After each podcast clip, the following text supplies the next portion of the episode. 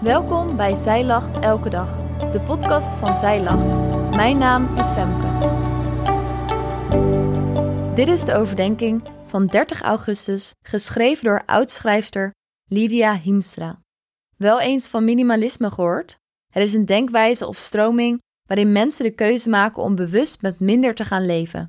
Sommige mensen willen bijvoorbeeld minder spullen en alleen de spullen behouden die ze echt mooi en waardevol vinden. Mijn man en ik hebben dat in zekere zin ook gedaan toen we op reis gingen en leefden in een bus. We hebben heel veel dingen weggegeven en dat gaf een heerlijk opgeruimd gevoel. Met dit opgeruimde gevoel in mijn hoofd vroeg ik me af waar je op kunt minimaliseren als christen. Hier zijn vier punten waar je in kunt minderen. Als eerste, minder van mij, meer van God. Ik begin maar gelijk met het belangrijkste punt waarop je kunt minimaliseren als christen. Want minder van jezelf en meer van God maakt dat al het andere makkelijker zal gaan.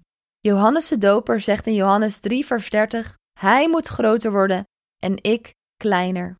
Johannes zegt dit over Jezus. Hij moet alle eer krijgen en niet Johannes. Is dat ook niet zo bij ons? Wij moeten kleiner worden en de minste willen zijn. En God moet groter worden in ons leven en alle eer krijgen. Als God groter wordt in ons leven, worden niet alleen wij kleiner, maar ook onze problemen en zorgen. Alles wordt in perspectief gezet. Als tweede is het minder belemmeringen. Dit vinden we in Prediken 9, vers 8 tot 9. Hierin staat: Draag altijd vrolijke kleren. Kies een feestelijke geur.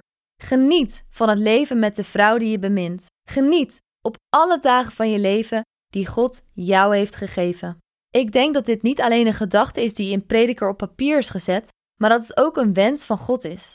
Hij heeft ons niet gemaakt om maar te gaan zitten kniezen op aarde. God wil dat we genieten van ons leven. Hij wil in dat opzicht dat we niet minimaliseren, maar juist maximaliseren. Alleen om maximaal van het leven te kunnen genieten, moeten wij als christenen op bepaalde punten juist minder hebben of minder willen zijn.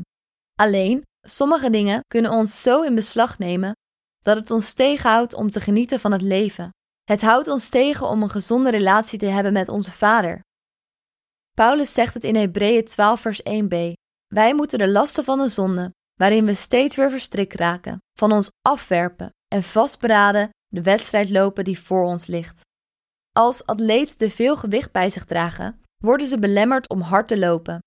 Wij kunnen ook een bepaald geestelijk overgewicht hebben en zo ongezond belast worden. Doordat we bijvoorbeeld eigenwijs zijn, ons erg schamen of juist erg trots zijn. We kunnen onbeleden zonde hebben of iets heel anders. Minimalisme als christen is daarom op dit punt noodzakelijk. Want net zoals atleten door verkeerde belasting geblesseerd kunnen raken, is dat ook voor ons niet goed.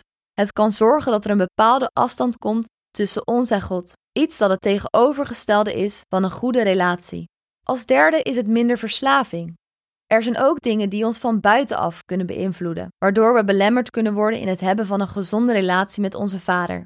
Hierover kunnen we ook wat vinden in 2 Petrus 2, vers 19b. Want waar men door beheerst wordt, daarvan is men slaaf. Eigenlijk geeft Petrus hier een beschrijving van het woord verslaving. Dat hoeft niet iets heel groots te zijn, zoals drank, drugs of seks. Het kan ook iets kleins zijn, zoals beheerst worden door je telefoon, drukke baan of je hobby's. Mijn grote hobby is paardrijden en ik heb mezelf er wel eens op betrapt dat ik in de kerkdienst zat na te denken over wat ik met mijn paard zou gaan doen in de volgende training. Dan gaat er toch iets fout. Want hoe leuk je hobby's ook zijn, hoe leuk Instagram ook is of hoe stressvol je baan ook kan zijn, niets mag je beheersen en je van God afhouden. Punt 3, waarop we kunnen minimaliseren als christen, is dus minder verslaving, minder beheersing door dingen van buitenaf. En het laatste punt is minder van mij, meer van de ander. Hierover kunnen we wat lezen in Marcus 9, vers 35. Wie de belangrijkste wil zijn, moet de minste van allemaal willen zijn en ieders dienaar. Als we denken aan minimalisme als christen, dan denk ik al snel aan de opdracht die Jezus meegeeft aan zijn discipelen. Het mooie is dat je weet van wie de opdracht komt, van het grootste voorbeeld dat we ons maar kunnen wensen. Jezus zegt namelijk in Matthäus 11, vers 29 tot 30: Neem mijn juk op en leer van mij, want ik ben zachtmoedig en nederig van hart. Dan zul je werkelijk rust vinden, want mijn juk is zacht en mijn last is licht.